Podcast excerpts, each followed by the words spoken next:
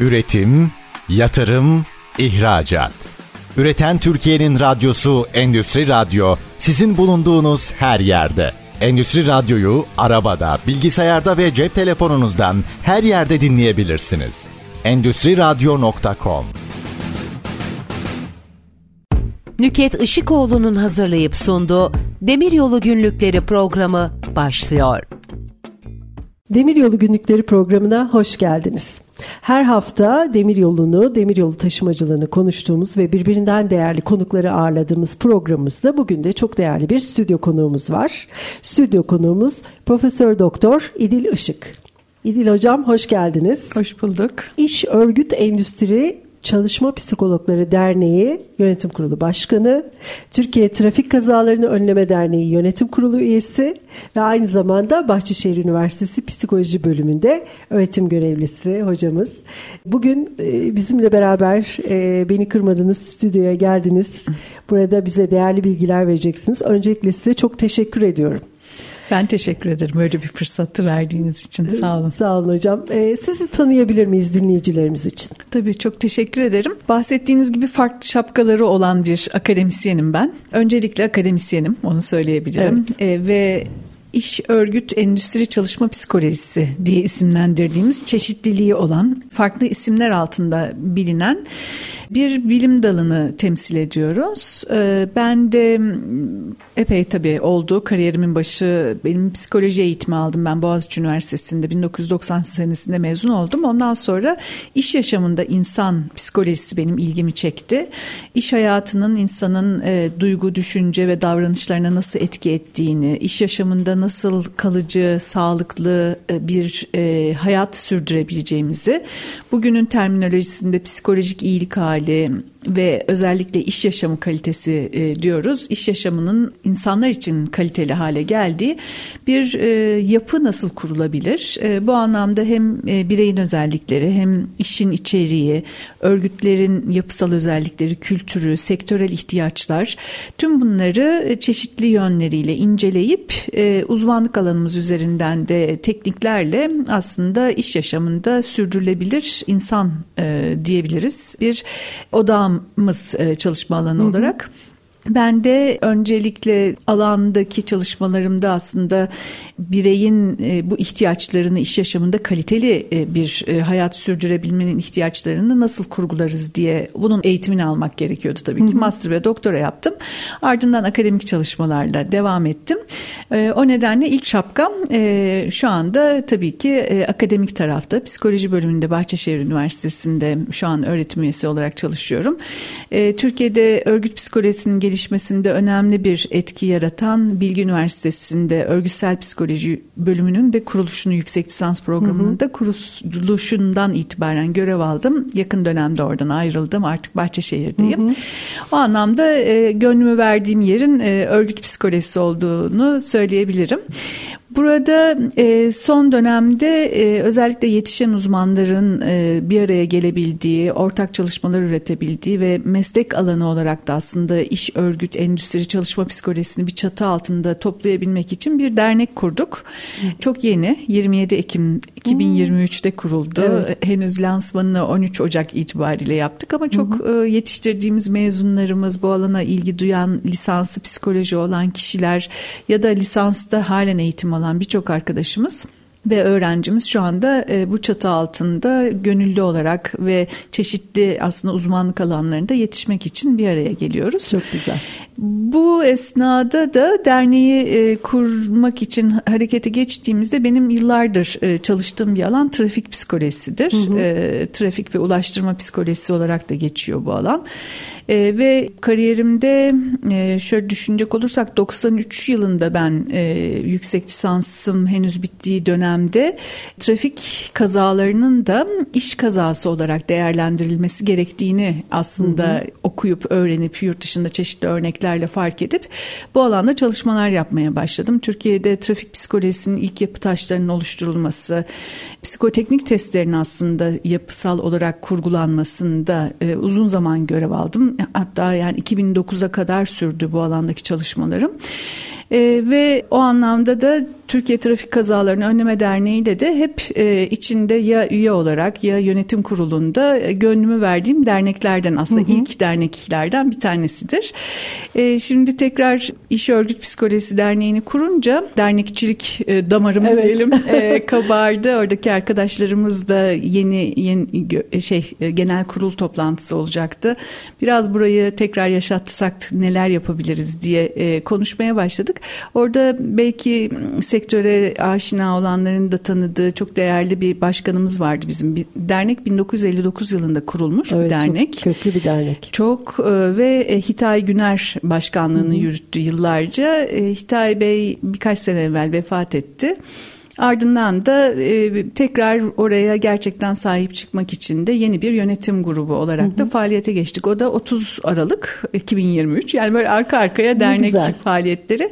Şimdi e, Türkiye Trafik Kazalarını Önleme Derneği bünyesinde de geçmişten itibaren bu alanda çok önemli kazaların önlenmesi için hı hı. E, yönetim kurulu üyelerimizden Yeşim Ayöz e, kaza yerine örneğin çarpışma denilmesini e, önerir. Hı hı. E, işte çarpışmaların önüne geçilmesi için neler yapılabilir? Bu konuda da çalışmaya başladık. O anlamda işte sizinle de tanışınca çok Hı-hı. güzel bir tesadüf oldu. Bütün bu konuştuğum şimdi şapkalarını taşıdığım işleri sizin ST Endüstri Radyo'da Demiryolu e, özelinde yaptığınız bu programda konuşma fırsatı çok güzel olacak. Çok teşekkür ederim. Benim için de çok güzel olacak. Biz de daha önce hep demiryolunu tabii lojistik olarak araç, ekipman, insan kaynağı her açıdan ele aldık ama hiç işin psikoloji boyutundan ele almamıştık. Bu benim için de aslında çok yeni bir konu. Bugün size hep kendi merak ettiklerimi de soracağım. E, ve gerçekten az önce bahsettiğiniz gibi psikoloji yaptığımız işte e, psikolojimiz ne kadar etkili, ne kadar önemli. Demir yolu da çok e, çalışanlar için zorlu koşulları olan, sorumluluk gerektiren, e, psikolojisini direkt etkileyen bir konu. O yüzden ben de anlatacaklarınızı çok merak ediyorum. Öncelikle e, şöyle başlamak isterim hocam.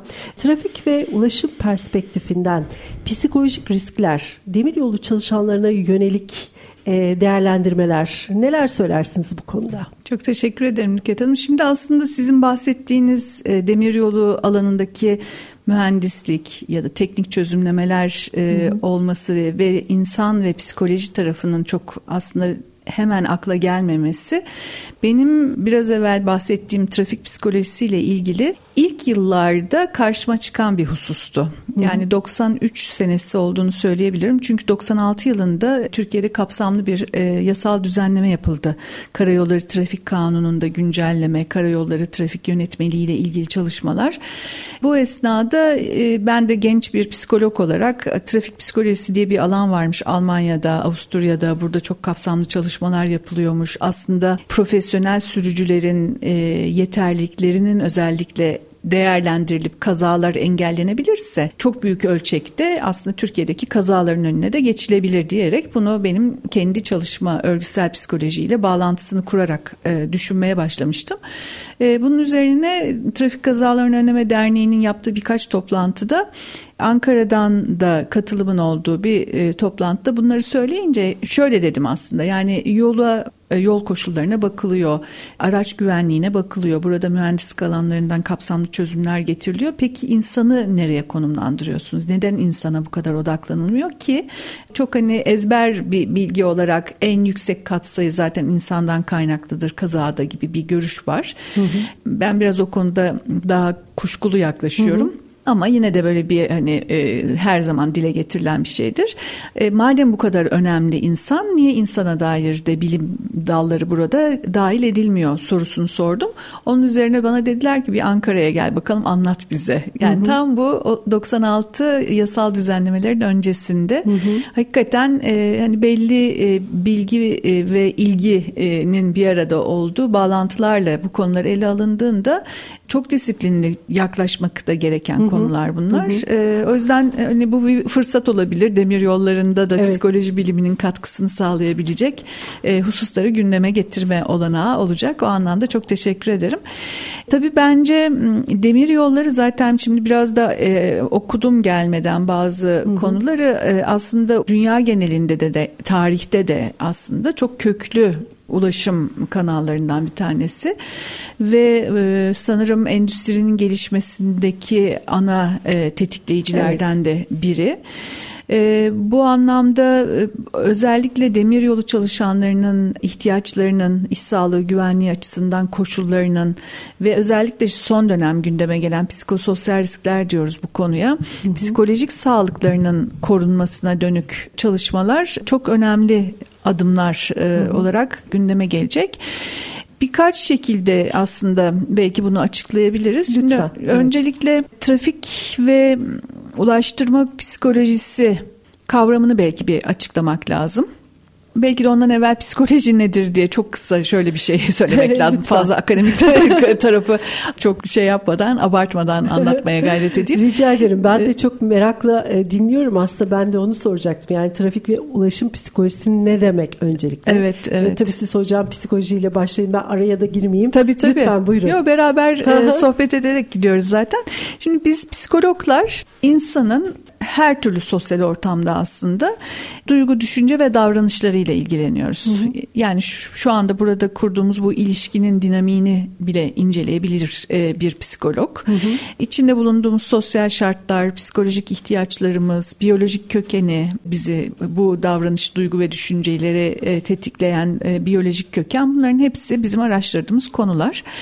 Örgüt psikolojisi dediğim alan e, biraz evvel anlattığım gibi e, bireyin iş yaşamındaki e, duygu, düşünce ve davranışlarıyla ilgili ve onun bir alt alanı olarak ben tabii tanımlıyorum ama illa onunla kısıtlı olmak zorunda değil. Ulaştırma ve trafik bir sosyal alan. Yani ulaştırma Hı-hı. zaten lojistik e, e, sektörü çok güçlü bir sektör.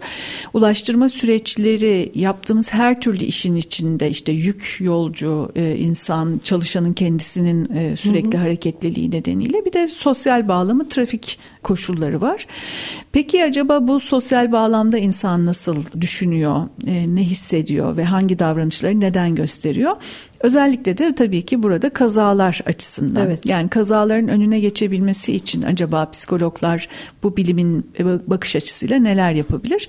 İşte trafik psikolojisi, ulaştırma psikolojisi hem e, trafiği sosyal bir e, bağlam olarak alarak hem ulaştırmayı bir sektör olarak alarak hı hı kazaların önüne geçilebilecek çalışmaların, e, yöntemlerin e, peşine düşen e, bir alan. Hı hı. Türkiye'de de kariyerimin başında odaklandım dediğim o çalışma dönemlerinde yani 96'dan itibaren çeşitli yasal düzenlemelerle Türkiye'de pek çok sayıda e, psikoteknik değerlendirme merkezi kuruldu.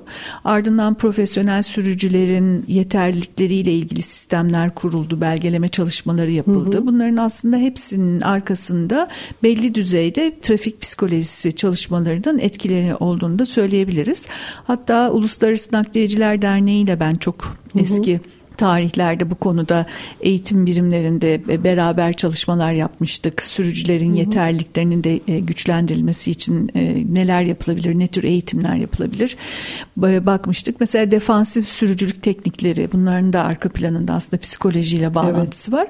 Tüm bunlar e, trafik kazalarının iş kaynaklı da sahada olan trafik ortamında olan kişilerin aslında karışabileceği kazaların önüne geçmek için. O anlamda devlet e, demir yolları bünyesinde de en eski aslında psikolojiyle bağlantılı çalışmalar da psikoteknik laboratuvarda gerçekleştirilmekteydi. Evet. Halen de devam ettiğini evet, tahmin ediyorum orada. Belli sürelerde psikoteknik testler evet, uygulanıyor. Evet. İlk örnekleriydi. İETT gibi e, İstanbul başta olmak üzere hı hı. diğer e, şehirlerdeki otobüs ağlarının da e, sürücülerinin değerlendirilmesi için de psikoteknik testler kullanılıyordu. Hı hı. O anlamda psikoteknik testlerin trafik psikolojisiyle ilgili bilinen uygulamada herkesin aslında belki belki bir, bir parça farkında olduğu bir uygulama olduğunu söyleyebilirim. E, işte bunları biraz bugün de sanırım e, evet. demir yolu çalışanları açısından birlikte tartışacağız. Evet. Peki hocam psikososyal risk nedir? Hı hı. Psikososyal riskler de çok güncel bir e, kavram olarak e, aslında gündeme geliyor. Burada da bireyin iş içeriği, işin yürütüldüğü sosyal koşulların e, sunduğu şartlar ve örgütün yapısı hı hı. ve de çalışma koşullarının fiziki şartlarının psikolojik etkilerine odaklanıyor. Biliyorsunuz iş sağlığı ve güvenliği çok önemli bir alandır ki hı hı. endüstri radyoda eminim bu konuda gündeme alınıyordur. Hı hı. İş kazalarının önüne geçilmesi, meslek hastalıklarının önüne geçilmesi tüm işverenlerin en büyük sorumluluğu. Evet. İş kanunu burada çok ciddi bir sorumluluk yüklüyor. İş kazalarının ve meslek hastalarının önüne geçebilmek için de biyolojik, fiziksel, kimyasal ergonomik risk değerlendirmesi yapmak lazım. Yani iş kaynaklı insanları kazaya uğratabilecek, meslek hastalıklarına neden olabilecek tehlikeler nelerdir? Bunlar iş güvenliği uzmanları, iş yeri hekimleri gibi yetişmiş kadrolar tarafından ve mühendisler tarafından kapsamlı analizi yapılan konular.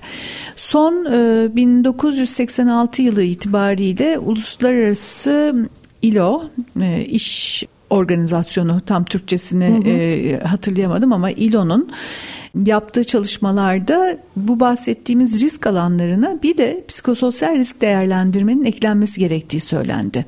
Hocam bu Hı. noktada isterseniz kısa bir reklam arasına gidelim. Reklamlardan tamam. sonra psikososyal risklere kaldığımız yerden devam edelim. Üretim, yatırım, ihracat. Üreten Türkiye'nin radyosu Endüstri Radyo sizin bulunduğunuz her yerde. Endüstri Radyo'yu arabada, bilgisayarda ve cep telefonunuzdan her yerde dinleyebilirsiniz. Endüstri Radyo.com ST Endüstri Radyo'da Demiryolu günlüklerine kaldığımız yerden devam ediyoruz. E, stüdyo konuğumuz iş örgüt psikolojisi uzmanı Profesör Doktor İdil Işık.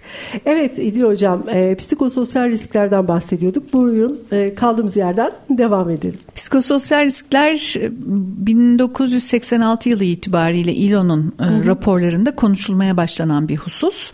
Sonra ama e, uzunca bir zaman biraz askıda kalan bir konu. Bakış açısı da şunu söylüyor söylüyor. İş sağlığı ve güvenliği sistemlerinde aslında kısa adı da İSG diye kısaltılır hı hı. Türkiye'de mesela. Dünyada işte ESH gibi, OSH gibi kısaltmaları var. Son dönemde buna bir de W eklendi. Yani hı hı. E, Occupational Safety Health Wellbeing, OSH, W Wellbeing için kullanılıyor. O da nedir? Psikolojik sağlık. Hı hı. Yani diyor ki dünyada artık uzmanlar iş kaynaklı sadece fiziksel e, meslek hastalıkları ya da sadece kazalardan korunma işveren sorumluluğunda değildir. Aynı zamanda çalışanın psikolojik sağlığında koruyucu sistemler kurulmalıdır.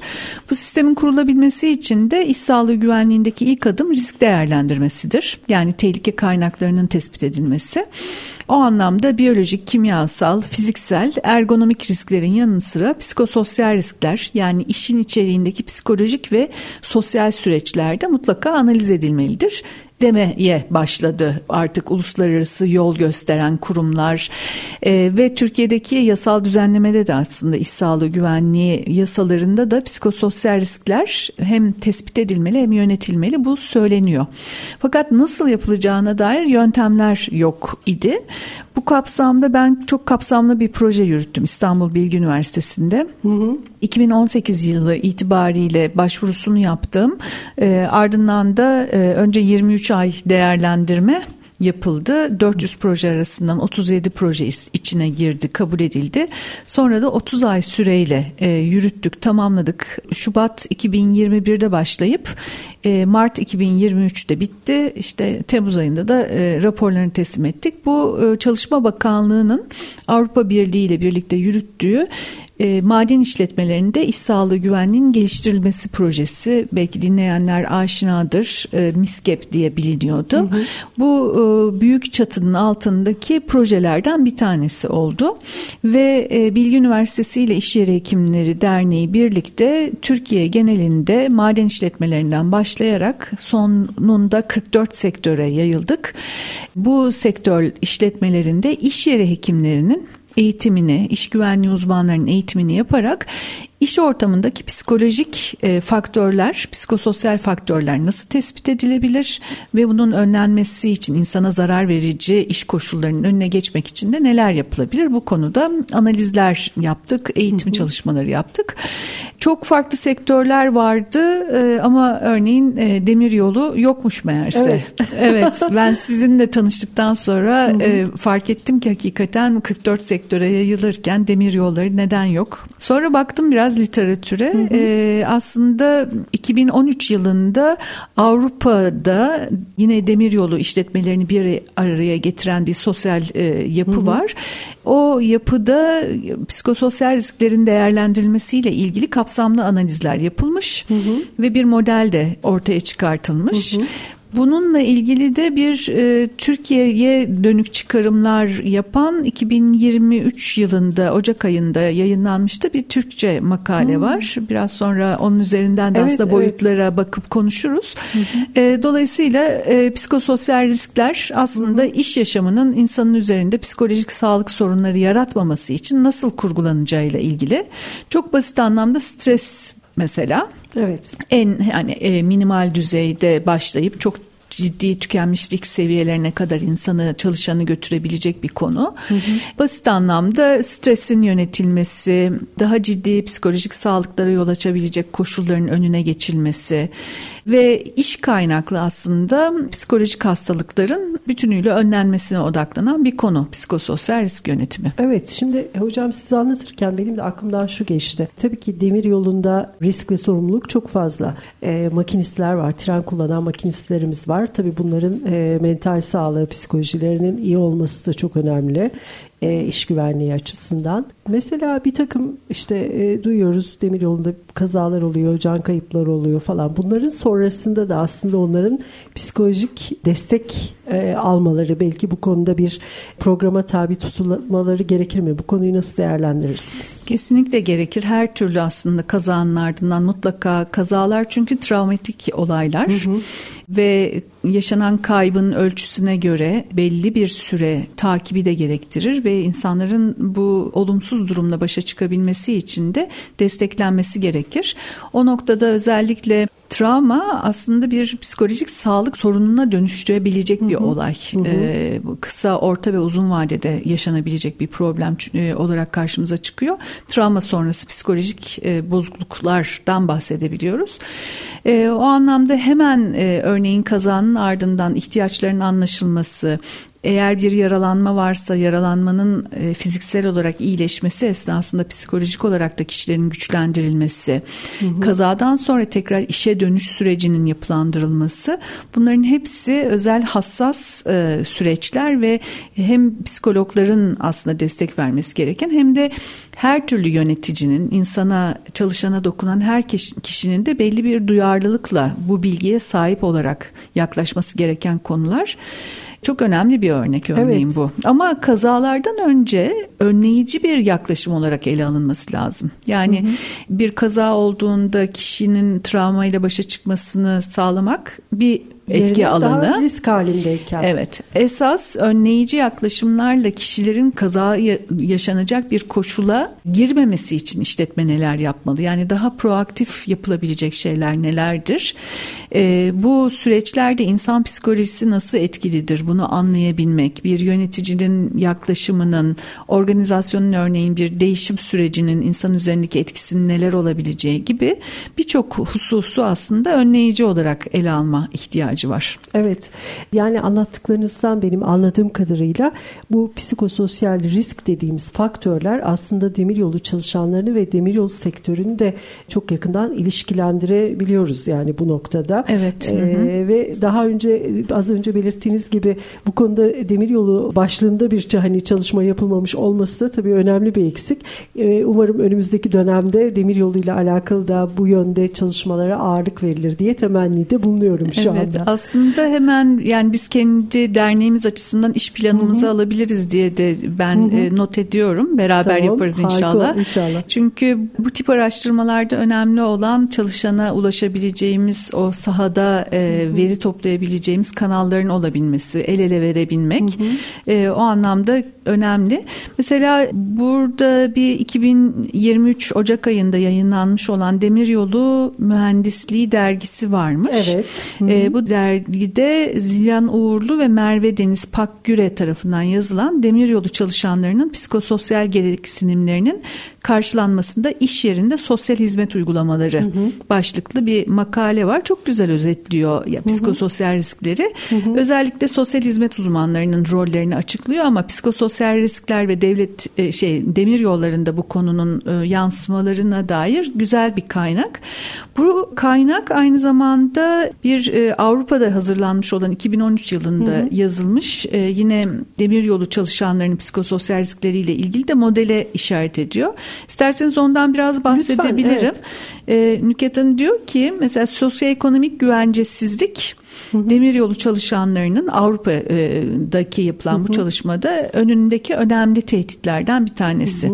Bunlara da neler giriyormuş? İşten çıkarılma korkusu, düşük ücret, özlük hakları ile ilgili sorunlar, sağlık ile ilişkili riskler, iş yerine uzaklık, iş seyahati, gece çalışması, izole çalışma koşulları, politika kararlarının istikrarsızlığı, yani sektörün yönetilmesine ilişkin politikalardaki tutarsızlıklar. Bu sosyoekonomik güvencesizlik olarak isimlendirilmiş ve insanda aslında belirsizlik duygusu yaratan, özellikle evet. ekonomik olarak da belirsizliğe neden olabilen hususları insanı zorlayan, psikolojik olarak zorlayan, dolayısıyla da e, nasıl ki bedensel olarak zorlandığımızda hastalanıyorsak, hı hı. psikolojik olarak da zorlandığımızda psikolojik olarak hasta olma e, olasılığımız var. Ve bunun yani psikolojik sağlık sorunları çok ciddi şekilde son dönemde çalışılıyor. Bu pandemiden sonra da çok önemli oldu çünkü bu konular. Ve e, iş günü iş e, gücü kayıpları işe devamsızlık, e, raporlu gün sayıları, e, sağlık e, nedenli aslında tedavi maliyetleri, performanstaki kayıplar gibi çok ciddi ekonomik yansımaları olan konular. Hı hı. O anlamda işverenlerin de bu konuda bilgilendirilmesini altı çiziliyor. O anlamda sosyoekonomik güvencesizlik bir boyut. Duygusal talepler diye isimlendirilen bir psikolojik zorlanma alanı var. Psikososyal risklerde de, yine demiryolu için. Yolcu saldırganlığı ve şiddet ticari kısıtlamalar, zorlu koşulları yönetebilme becerisi, şiddet, kaza veya intihar gibi olaylar, hı hı. sorumlulukların artışı, yolcu güvenliğinin sağlanması, adli olayların kontrolü gibi konular insanı duygusal olarak zorlayan konular. Hı hı. Bunlar da duygusal talep olarak isimlendiriliyor. E, iş yüküyle ilişkili konular var. Psikososyal tehlike kaynağı olarak belirtilmiş. Yeni teknolojilere ve dijitalleşmeye uyum sağlamada zorluk yaşama. Hı hı. Ki bu e, şu anda tabii çok ileri teknolojide araçlar kullanırken değil mi? E. Bu teknik anlamda yeterlikleri de gerekli kılıyor. Kaynakların sınırlı olması, vardiyalı çalışma biçimi, trafik aksamalarının çalışma saatlerine etkisi, yolcuların ve yöneticilerin taleplerine yanıt verme baskısı iş yükü, iş talebi olarak belirtilmiş. Bunlar da psikolojik olarak insanı zorlayan hususlardır. Çalışanları zorlayan hususlardır diyor. Böyle üç tane daha başlık var. Dediğim gibi e, çok enteresan konulardan bahsediyorsunuz. Hani Demiryolu'nu ilk defa psikoloji e, yönünden ele alıyoruz. Dolayısıyla o üç kısa başlığın da üzerinden böyle kısa kısa geçersek hı hı. E, bu bölüm içinde ben de sayenizde bunu öğrenmiş olacağım. Tamam. Merakla teşekkür bekliyorum. ederim. Dördüncü başlık çatışmalar. Hı hı. Ticari gereksinimler ve kişisel görüşler arasındaki gerilimler, hata yapma hakkını desteklemeyen bir demiryolu kültürü. Hmm. E, çünkü iş yaşamında aslında hep şunu söyleriz. Yani hata yapmak öğrenme fırsatıdır. Buna olanak tanı. E, hmm. Suçlu kim havası içinde sorguladığınız zaman hataları hmm. hiç kimse hatasını söylemiyor tabii saklıyor. Evet. E, o anlamda e, bu örgüt kültüründeki önemli hmm. konulardan biridir. Bunu burada yansıtmışlar. Güvenlik ve kalite kuralları ile ilgili gerginlik. Hmm. Bu da aslında şunu söylemeye çalışıyor. Bir yandan hızlı olacaksın, bir yandan güvenli olacaksın. İkisi evet. birbiriyle çelişen çelişen konular Doğru. aslında. Aslında baktığımız zaman şimdi özellikle sonuna kadar e, bahsetmenizi istedim. Avrupa'da yapılmış bir çalışma fakat e, siz bunları okurken aslında benzer bir çalışma Türkiye'de yapıldığında da benzer sonuçlar çıkabileceğini evet düşündüm. Çünkü e, hemen hemen biz de demiryolu personeli arkadaşlarımızla, makinist arkadaşlarımızla bir araya geldiğimizde, konuştuğumuzda, dertleştiğimizde hep e, ortak konular bunlar. Bunlar e, bahsedilen hususlar evet, değil mi? Evet. Aslına bakarsanız Nükhet Hanım bunlar bunlar sektörler üstü. Evet. Yani hangi işi yaparsanız belli ölçüde bu bahsettiğimiz psikososyal unsurlar deniyor bunlara. Bu unsurlardan e, hı hı. karşımıza çıkıyor.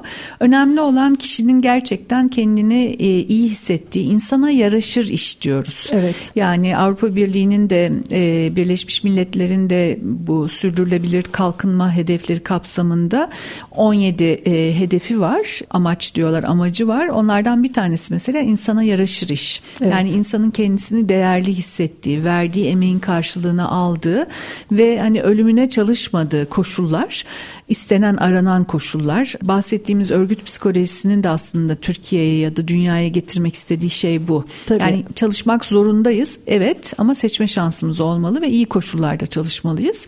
Evet. O bir anlamda hocam, önemli. aidiyet Hı-hı. duygusu var ya bu evet. işte. Mesela ben mesleki hayatım boyunca hep e, özellikle demir yolculara baktığımda eski demir yolcularda çalıştıkları kuruma karşı çok yüksek bir aidiyet duygusu hmm. geliştirdiklerini fakat bu duygunun e, artık son zamanla daha zayıfladığını da gözlemledim. Mesela e, mesleki aidiyet de bu unsurlardan biri olabilir mi? Evet evet kesinlikle öyle. Hatta bizim e, yaptığımız bahsettiğim bu maden sektörü çalışmasındaki hı hı. ölçüm metodolojimizde aidiyet duygusu önemli bir sosyal faktör. Hı hı. Yaptığınız işe ve o işi sergilediğiniz sosyal ortama bağlılık duygusu insanı güçlendiren, evet. psikolojisini e, aslında kuvvetlendiren e, konulardan bir tanesi. Onu veremediğinizde kopuyorsunuz. Hı hı. E, işten uzaklaşma, tükenmişlik duygusu, anlam duygusunun kaybı. Yani işiniz evet yapıyorsunuz ama neden buradayım? Ki, niye buradayım? niye yapıyorum? Niye yapıyorum? ya da işinizi çok seviyorsunuz ama sosyal olarak birlikte olduğunuz insanlar çok da işinizin sevmenizin karşılığında hani değer mi dedirtecek nitelikte olabilir yöneticiler, çalışma arkadaşları olabiliyor ki bu bahsettiğim isterseniz bunu e, bir dördüncü boyut olarak söyleyelim. Çatışmalar kısmı zaten sosyal faktörlerle ilgili. Bir de trafik yönetimi ve güvenlik yönetimi arasındaki gerilim diye de e, hem duygusal çatışmalar hem de kişiler arası çatışmaların da psikososyal unsurlar arasında olduğu söyleniyor. Bunun gibi iki tane daha boya, boyut var. Sosyal ilişkiler ve otonomluk diye. E, bilmiyorum devam etmek ister misiniz bu konuya? E, isterim Hı? ama kısa bir reklam arasında sonra hocam. Tamam. Çok teşekkür ederim. Üretim, yatırım, ihracat. Üreten Türkiye'nin radyosu Endüstri Radyo sizin bulunduğunuz her yerde. Endüstri Radyo'yu arabada, bilgisayarda ve cep telefonunuzdan her yerde dinleyebilirsiniz. Endüstri Radyo.com ST Endüstri Radyo'da Demiryolu günlüklerine kaldığımız yerden devam ediyoruz. Stüdyo konuğumuz iş örgüt psikolojisi uzmanı Profesör Doktor İdil Işık. Buyurun İdil Hocam. Teşekkür ederim. Şimdi biz demir yollarında psikososyal riskler nelerdir e, sorusuna cevap evet. verirken bir e, akademik yayına Uğurlu ve Güren'in yapmış olduğu hı hı. yayından hareketle 6 tane ana unsurdan hı hı. E, bahsedecektik. 4 tanesini konuştuk. Evet. Sosyoekonomik güvencesizlik, duygusal talepler, iş talepleri, çatışmalar iki tane daha boyut var. Evet. Bunlardan biri sosyal ilişkiler. Hı hı. Sosyal ilişkilerde de şunları dikkate almak gerekiyor diyorlar. Kamu nezdinde şirket, personel ve benzeri imajın bozulması. Hı hı. Mesela çalıştığınız kurumun itibariyle ilgili herhangi bir şey insanı aslında olumsuz etkileyen hı hı. bir konu. Kurumun nasıl yönetildiği konusunda söz sahibi olan kişi sayısındaki artış. Bu Avrupa'da e, gündeme gelen bir hususmuş örneğin 2013 raporunda. Yani orada artık yönetim kademesinde olan kişilerin değişmesi, sayıca fazlalaşması, bürokratikleşme, kararların hızlı alınamıyor olması önemli unsurlar olarak karşımıza çıkabiliyor. Yalnız çalışma durumları, izole e, diğer insanlarla temas olmaksızın çalışmak e, burada önemli. Uzaktan yönetim sosyal ilişkilerde önemli bir konuymuş. Özellikle e, uzaktan çalışma, esnek çalışmanın olduğu koşullarda yöneticilerin bunu nasıl yöneteceğine dair süreçler ve aile sorunları. Aslında hı hı. iş ve özel yaşam birbirinden çok ayrılamıyor. İş aileyi, aile işi evet. etkileyebiliyor ve bu sorunlar da psikososyal anlamda zorluyor insanları. Bizim maden çalışmasında e, psikososyal faktör ne demektir diye yaptığımız ilk şey oydu. Maden hı hı. işçilerine sorduk. Ne anlıyorsunuz psikososyal e, kavramından. Dediler ki ya ben aşağıya indiğim zaman kafam dinç, içim rahat olmalı. Evet. Kafam bir şeylerde kurcalanmamalı. Bence bu konu e, demir yolları için de geçerli. Kesinlikle. Çünkü çok tehlikeli sektör olarak tanımlanıyor. Evet. Ee, ve zihninizin başka faktörlerle doluyor olması aslında dikkat dağınıklığına, strese bağlı, kopuşlara, dalıp gitme, uykusuzluk hı hı. o kadar çok parametreyle bağlantısı var ki o yüzden aile sorunlarının e, ve özel hayatında iyi yönetilmesi lazım. Otonomluk diye bir boyut var. Burada otonom şu anlama geliyor. Kişinin yaptığı işle ilgili neyi nere, nerede, ne zaman, nasıl yapacağına dair özgür hissetmesi insanı güçlendiren bir konudur. Hı hı. Yani çok monoton işler bu konuda karar hakkı hiç tanımaz. Evet. Ama her işte bu imkanı tanımayabilir. Hı hı. Yine de kişinin uzmanlığını konuşturabileceği, bizim iş sanatkarlığı diyoruz, işini sanat gibi icra edebileceği çalışma koşullarının yaratılması hı hı. lazım. O da biraz otonomiyle kendisine hı hı. fikir e, sunma olanağının verilmesiyle ilişkili. Hı hı. O konuyu ele almışlar ve diyorlar ki karar verme düzeyi ile işletme düzeyi arasındaki gerilimler yani kişinin aslında bir karar alması lazım ama yönetim tarafından alınacak kararla çelişki içine giriyorsa bu bir stres faktörü olabilir. Hı hı. Kaynakların eksik olması, bilgi, karşılıklı bağımlılıklar, eğitim yani bir karar verirken bir başka birimden bilgi gelmiş olması zorunlu olabilir. Gelmemesi problem yaratabilir. Bu e, etkileşimlerin doğru e, yönetilmesi, süreçlerin karmaşık, iyi tanımlanmamış olması ve e, bilgi paylaşımında şeffaf davranılmaması, gerekli hı hı. bilgilerin zamanlı bir şekilde şeffaf bir şekilde verilmiyor olması e, bunların hepsi insanı psikolojik olarak zorlayan faktörlerdir e, ve demir yollarında da bu faktörler ön plana çıkar. Bunlar yönetilmelidir demiş bu Avrupa'da hazırlanan hı hı, rapor. Hı hı. Çok güzel. Peki hocam, dediğiniz e, gibi e, bilmiyorum ben de size sorayım. Biraz evvel de yorumda bulundunuz. E, bu sektöre hakim bir kişi olarak bunlarla karşılaştınız mı bugüne kadar burada tabii konuştuğumuz ki, faktörlerle? Tabii ki. Şimdi şöyle ben de tabii e, direkt demiryolu e, sektöründe hani operasyonda çalışan, e, tren kullanan biri değilim. Fakat sektörümüzün içindeki bu görevleri yapan arkadaşlarımızla sık sık bir araya geliyoruz, e, konuşuyoruz ve gerçekten bu benzer konuları ben de onlardan duyuyorum. Bu noktada aslında hocam ben şeyi sormak istiyorum. Şimdi programın başından beri siz çok güzel anlattınız, çok güzel bilgi verdiniz. Peki bütün bunların bağlamında Türkiye'deki demiryolu sektöründe, demiryolu çalışanlarında önümüzdeki süreçte psikolojik olarak ne gibi destekler, ne gibi gibi çalışmalar yapılabilir? Bu konuda siz neler söylersiniz? Hı hı. Nüket Hanım hemen aklıma gelen e, örneğin bu biraz evvel referans olarak e, okuduğumuz e, makale e, ya da yorumladığımız makale diyelim e, tamamen bir tarama niteliğinde. Yani veri toplanmaksızın literatürde böyle bir bilgi var. E, Avrupa'da böyle bir çalışma yapılmış, Türkiye'de de yapılabilir e, diyor.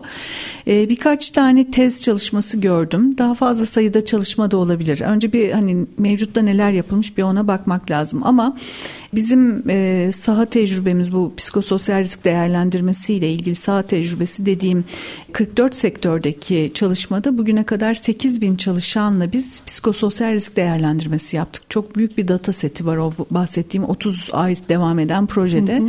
Şimdi orada analizler ve raporlamalar yapacağız aşama aşama. İlk amacımız maden olduğu için onu bitirdik. Diğer sektörleri de analiz edeceğiz.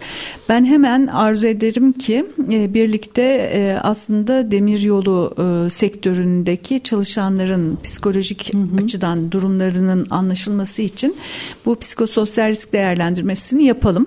Bu yapılmalı. Hı hı. Gündemine de almış olabilir devlet demiryolları e, hı hı. Ankara'daki bununla ilgili hani karar vericilerin e, hı hı. düşündüğü, baktığı taraflarda olabilir. Çünkü e, güçlü yapılar da var. Yani iş sağlığı güvenliği alanındaki İSKÜM Genel hı hı. Müdürlük bazında da belki de sektör olarak baktıkları da bir konu olabilir. Hı hı. Ya bir defa yani bu bir risk değerlendirmesiyle yapılmalı. Riskleri tespit ettikten sonra da yönetilmesi gerekiyor tabii ki. Hı hı. Yönetim konusunda da bizim bahsettiğim bu proje süresinde önemli bir gelişme oldu. Hı hı. Uluslararası Standartlar Organizasyonu ISO 2019 yılında 45001 iş sağlığı güvenliği e, yönetim sistemini yayınladı. Evet. Yani devletler kendi ulusal yasal düzenlemelerinin yanı sıra bu işi yönetebilmek için e, işte sertifikalandırılabilecek bir e, proses başlatabiliyorlar. Ardından da 45003 kılavuzu yayınlandı. Hı hı. Kılavuz da sadece psikolojik sağlıkla ilişkili. Yani ISO 45003 kodlu kılavuz işletmelerde psikolojik sağlığın korunması için psikososyal e, risk yönetimini gerekli hı hı. kılıyor. E, ve yavaş yavaş da kurumlar bu konuda 45.001 standardını alırken 45.003 hazırlıklarını da başlatmış vaziyetteler. Hı hı. O anlamda e, sizin e, de e, bu alandaki derneğinizin e, bünyesinde çalışmalar yapılabilir. 45.003'e ilişkin farkındalık arttırılabilir. Evet. E, ve özellikle de demir yolları alanında e, çalışanların ihtiyaçlarının anlaşıldığı ve desteğin sağlanabilmesi için de yöntemlerin hedeflerin belirlenmesinde örneğin 45.003 çalışmaları rehberlik yapabilir. Eğitimler e, bu konuda çok önemli aslında fonlar yayınlanabiliyor. Araştırma çalışmalarının ya da uygulamalı çalışmaların yürütülebilmesi için. Hı hı. E, sektörel kurumlar, meslek kuruluşları bu konudaki fonlu çalışmalardan kaynak alıp e, uygulamaya geçirebilir. E, ama bunu yani herhalde bu ilk bilgi e, paylaşımı olan yani psikoloji biliminin hı hı. demir yolları alanında da sağlayabileceği katkıya ilişkin bir ilk farkındalık imkanı oldu belki evet. de bu radyo programı. Evet, evet. Buradan çok farklı fikirler doğabilir bence. Tabii, tabii kesinlikle doğabilir. Çünkü e, zorlu şartları olan bir sektör farklı mesai saatleri var. Ee, sürekli gece gündüz çalışılıyor. Mesela şehir merkezlerinden uzak bir istasyonda tek başına ailesiyle orada yaşayan insanlar var. Dağ başındaki bir istasyonda. O istasyonun görevlisi ailesiyle orada yaşıyor ve merkezden çok uzakta. Dolayısıyla psikoloji bilimi açısından değerlendirdiğimizde bence demiryolu inanılmaz zengin bir konu ve bugün e, bu program çok güzel bir farkındalığın belki de başlangıcı oldu sayenizde. E, çok teşekkür ediyorum böyle güzel bir farkındalığa vesile olduğunuz için hocam. Bu arada sizden de artık programımızın sonuna doğru genel böyle bir değerlendirme ve temennilerinizi almak isterim. Çok teşekkür ederim. Hakikaten çok e, güzel bir fırsat oldu sizinle konuşabilmek. Bir de e, demir yollarına gönül veren e, bir kişi olarak da sizi tanıdığıma da çok mutlu oldum. çok Hakikaten ne kadar güzel böyle bir odaklanma, bu alanda çalışan bir derneğin olduğunu duymak bana hı hı. çok olumlu hissettirdi açıkçası. Çünkü e, biz de şimdi yepyeni bir derneğiz. Hı hı. İş Örgüt Endüstri e, Çalışma Psikologları Derneği bünyesinde evet. çalışacak uzmanlar bence demir yolları alanında da uzmanlaşmaları için ben hı hı. üyelerimizi yönlendirmeyi hemen düşündüm. Birlikte yapılabilecek çok şey olabilir. Kesinlikle. E, açıkçası endüstri kaynaklı ya da trafik ve ulaştırma kaynaklı kazaların önüne geçilmesi Türkiye için çok öncelikli bir konu. Hı hı. Yani o kadar çok insan ölüyor ve sadece e, ölenler, sakatlananlar değil aynı zamanda onların yakın çevresi bundan evet. çok zarar Maalesef. görüyor. Kazaların önüne geçilmesi çok önemli önemli. E, bu konuda da beraberinde tabii meslek hastalıkları da öyle. Hı hı. Psikolojik sağlık e, sorunlarının zaman içinde meslek hastalıkları kategorisinde değerlendirilmesi artık dünyada konuşuluyor. Hı hı. Kazalar ve hastalıklardan sonra tekrar e, işe dönüş süreçlerinde mesleki rehabilitasyon konuları gündeme getiriliyor. Bunlar artık bütüncül sağlık politikalarıyla da ele alındığı için sizin vesilenizle ve Endüstri Radyo vesilesiyle dinleyiciler kişilerin, kurumların, e, yetkililerin çalışan sağlığına, güvenliğine ve psikolojik esenliğine e, aslında odaklı yapacağı her türlü yatırımın toplumsal anlamda Türkiye'nin hastalıklardan ve kazalardan korunmasına da katkı sağlayacağını düşünüyorum ben. Ulaştırma burada önemli bir kanal. Çünkü karayoluyla çok yoğun taşımanın e, yapıldığı bir e, şeyden bahsediyoruz. İş yaşamından bahsediyoruz. Herhalde demiryolu burada önemli bir paya sahip olsa karayolunda yaşanan kazaların da önüne geçilebilir. Bu bağlamda da Türkiye Trafik Kazalarını Önleme Derneği'nin açıkçası çalışmalarıyla da yine dinleyici dinleyicilerimizle birlikte olmayı çok isteriz sizlerle de. Çok teşekkür ederim bu vesileyle herkese ve size. Ben de size çok teşekkür ediyorum. Ee, sevgili dinleyicilerimiz bugün Demiryolu Gündükleri e, programının konuğu iş örgüt psikolojisi uzmanı Profesör Doktor İdil Işık oldu ve bize belki de ilk kez duyduğumuz demiryolu konusunda psikolojik açıdan konuya bakış, psikoloji bilimi açısından bir takım bilgiler verdi, bize değerli katkılar sağladı.